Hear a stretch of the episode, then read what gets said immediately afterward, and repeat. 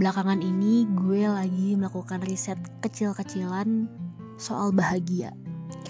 Sebenarnya gimana sih supaya kita bisa bahagia dengan ngelakuin step-step kecil yang remeh dan simple? Gimana supaya kebahagiaan itu terus melekat di diri kita, nggak ke mana-mana, stay. Semisalnya kita lagi dihinggapi sedih, gimana caranya supaya kita bisa deal with the sadness? Dan bisa merasakan bahagia dan kesedihan itu ya udah kita hadapi dalam waktu yang tidak lama. Dalam riset kecil-kecilan yang gue lakuin itu, gue mendapatkan satu fakta yang mencengangkan buat diri gue sendiri bahwa yang namanya bahagia ternyata bisa diraih dengan langkah yang mudah. Secara teori mungkin gampang, diomonginnya gampang, cuman dilakuinnya emang susah karena berhubungan dengan hati sebelum lo ngizinin kebahagiaan masuk ke hati lo, karena emang kebahagiaan kan tepatnya di hati ya. Lo bersih-bersih hati lo dulu. Karena bahagia kan nginepnya memang di hati kita. Berarti kita bersihin dulu dong, kita beres-beres dulu rumahnya, rumah bahagia tersebut. Supaya perasaan tersebut nyaman tinggal di situ. Itu yang pertama gue temuin di riset ini. Apakah bersih-bersihnya gampang? No, susah, jujur. Seperti yang lo tahu, kita adalah manusia yang punya banyak banget salah, banyak banget dosa. Kadang kita ngelakuin iri, kita dengki, kita marah, kita emosi, kita nggak suka ngeliat orang lain. Itu semua kan kotorannya nyangkutnya di hati, alias rumah kebahagiaan itu tadi karena rumahnya kotor jadi bahagianya nggak bisa nyelip di situ nggak bisa tinggal dengan nyaman. Ya karena dia nggak bisa bersandingan dengan hal-hal tadi. Perlu dibersihin dulu. Sebenarnya ada banyak penyebab kenapa hati kita bisa bikin perasaan bahagia itu nggak betah menetap pertama tadi kita kurang bersyukur karena mungkin kita selalu ngelakuin perbandingan ya sama orang lain. Orang lain hidupnya enak kenapa kita begini? Padahal belum tentu orang lain tuh hidupnya seenak yang kita lihat. Kadang kita cuma bisa nilai dari penampilan luarnya aja kan. Karena pasti setiap manusia punya struggle masing-masing dan kebanyakan dari kita nggak menunjukkan posisi struggle tersebut. Kebanyakan dari kita cuma menunjukkan sisi bahagianya aja dan sedihnya kita terlena sama tampilan luarnya. Ya udah akhirnya timbul deh perasaan iri nggak seneng sama hidup kita yang sekarang karena melihat kehidupan orang lain tuh lebih bahagia lebih enak. Dan akhirnya nggak bisa mensyukuri hal-hal kecil maupun besar yang ada di hidup kita. Sebenarnya banyak sih kalau gue sebutin satu-satu pasti bakal panjang banget. Tapi mungkin salah satunya juga adalah lo ngerasa kurang sama diri sendiri apa yang terjadi ketika lo ngerasa kurang sama diri sendiri? Pertama lo mungkin bisa cari perhatian orang lain. Lo ngerasa atensi orang lain tuh penting lo ngerasa validasi dari orang lain itu benar-benar nomor satu lo nggak bisa hidup tanpa itu dan lo ngerasa dan lo ngerasa lo dependen sama orang lain. Lo butuh mereka dan selalu butuh bukan berarti butuh yang berarti makhluk sosial kita manusia emang butuh makhluk lain ya nggak kayak gitu. Maksudnya lu dependen lo ketergantungan sama orang lain. Apa akibatnya? Ketika orang-orang yang lu butuhkan itu yang lu sandarkan diri lu terus menerus ke sana akhirnya tiba-tiba pergi atau menghilang atau tiada akhirnya lo jatuh dan lo ngerasa bless kedamaian lo hilang. Keseimbangan lo lenyap. Menurut gue itu adalah dua faktor penting kenapa manusia kadang suka ngerasa nggak bahagia. Karena kadang kita itu terlalu sering melihat sisi luar dari kehidupan kita. Kita ngerasa bahwa orang di luar sana lebih bahagia dari kita, lebih beruntung dari kita, makanya kita kadang luput sama rezeki yang Allah kasih ke kita. Itu satu. Terus yang kedua kita selalu jadiin orang di luar sana topangan kita. Lo ngerasa harus bersandar sama dia karena ya lo nggak tahu lagi tumpuan lo ke mana. Padahal sebenarnya lo harus menjadikan tumpuan dan sandaran utama ya diri lo sendiri dulu. Repotin diri lo sendiri dulu baru orang lain. Andelin diri lo sendiri sebelum orang lain lo pasti pernah gak sih jumpain quotes quotes kayak ya lo harus berharap sama siapa lagi kalau nggak sama diri sendiri. Lo bisa bangkit lo bisa berdiri sama apa lagi kalau nggak pakai kedua kaki lo sendiri. Pada akhirnya semua orang bakal ninggalin kita pada akhirnya semua bakal pergi yang tersisa hanyalah diri kita sendiri. Lo pasti pernah gak sih? Sekali aja lihat quotes yang kayak gitu.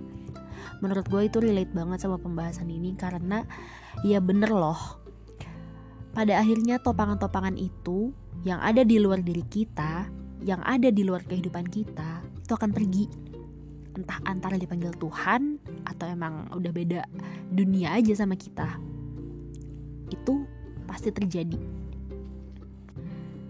Apa yang terjadi ketika lo udah terlalu dependent sama orang lain dan orang itu nggak ada? Ya otomatis bahagia lo hilang dong. Karena kan awalnya lo menggantungkan harap dan bahagia lo di dia. Makanya kenapa kita nggak boleh berekspektasi tinggi atau lebih sama manusia? Kita nggak boleh terlalu berharap sama manusia. Don't uh, lo tau nggak? Ada satu quotes yang bunyi kayak gini. Don't love too much don't trust too much don't hope too much because too much can hurt you too much. Lo jangan terlalu cinta sama manusia secara berlebihan deh. Jangan juga terlalu percaya jangan terlalu berharap karena apa yang lo lakukan secara berlebihan maka akan menyakiti lo secara berlebihan juga. Dan itu benar kejadian loh. Apa pun yang kita lakukan secara berlebihan ke manusia itu dampaknya nggak akan sebaik yang lo pikir gitu. Maka pada akhirnya orang-orang bijak pun pasti akan selalu menyarankan untuk melakukan hal apa pun sesuai dengan porsinya alias seperlunya aja. Termasuk yaitu bersandar sama orang lain ketika lo menaruh bahagia lo di orang lain di sesuatu yang lain ketika mereka pergi bahagia lo hilang sebenarnya sesederhana itu aja sih Makanya gimana caranya supaya bahagia itu bisa menetap di hati lo terus menerus? Ya lo taruh kebahagiaan itu di diri lo sendiri. Lo cukup sama diri lo sendiri, lo puas sama apa yang udah Tuhan kasih. Gue saat ngelakuin riset kecil-kecilan ini, gue tuh pernah ada di fase gue minum air putih aja ngerasa itu adalah hal mewah yang gue lakukan. Gue lagi minum nih, terus gue mikir, gila ini hal mewah banget yang bisa gue laku yang bisa gue dapetin gitu loh air putih ternyata wah mahal banget gak sih gue menikmati minum gue aus banget dan gue minum dua gelas air putih gue ngerasa wah ini rezeki gede banget yang gue dapat hari ini. Dan gue ngerasa kayak hmm gitu. Gue ngerasa lega. Ada sesuatu di hati gue yang kayaknya anget gitu. Oh ternyata itu adalah efek instan dari bersyukur ya setelah gue pikir-pikir lagi.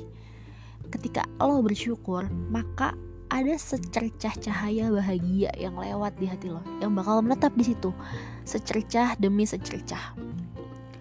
Lo bersyukur lo ngerasa cukup lo ngerasa ya udah apa adanya gitu loh. Lo bodoh amat sama orang lain. Maksudnya kayak ada hal-hal yang banyak banget yang nggak perlu loh kita berikan atensi ke sana. Nggak perlu loh kita ngeliat kesuksesan orang lain tuh jadi poros bahagia kita jadi satu penyebab kita nggak bahagia nggak kayak gitu seharusnya tapi kadang hati kita kan membelot ya nah makanya dari itu yang tadi gue omongin di awal podcast ini bersih-bersih. Gue pas bikin podcast ini apakah hati gue udah bersih? Oh ya tentu belum. Tapi kan sambil bahkan sambil proses pembersihan hati itu aja ada banyak banget apa ya kayak perasaan-perasaan baru yang muncul yang bikin gue itu hmm, gitu loh. Seneng tenang jalanin hidup tuh lega nyaman kok enak gitu loh.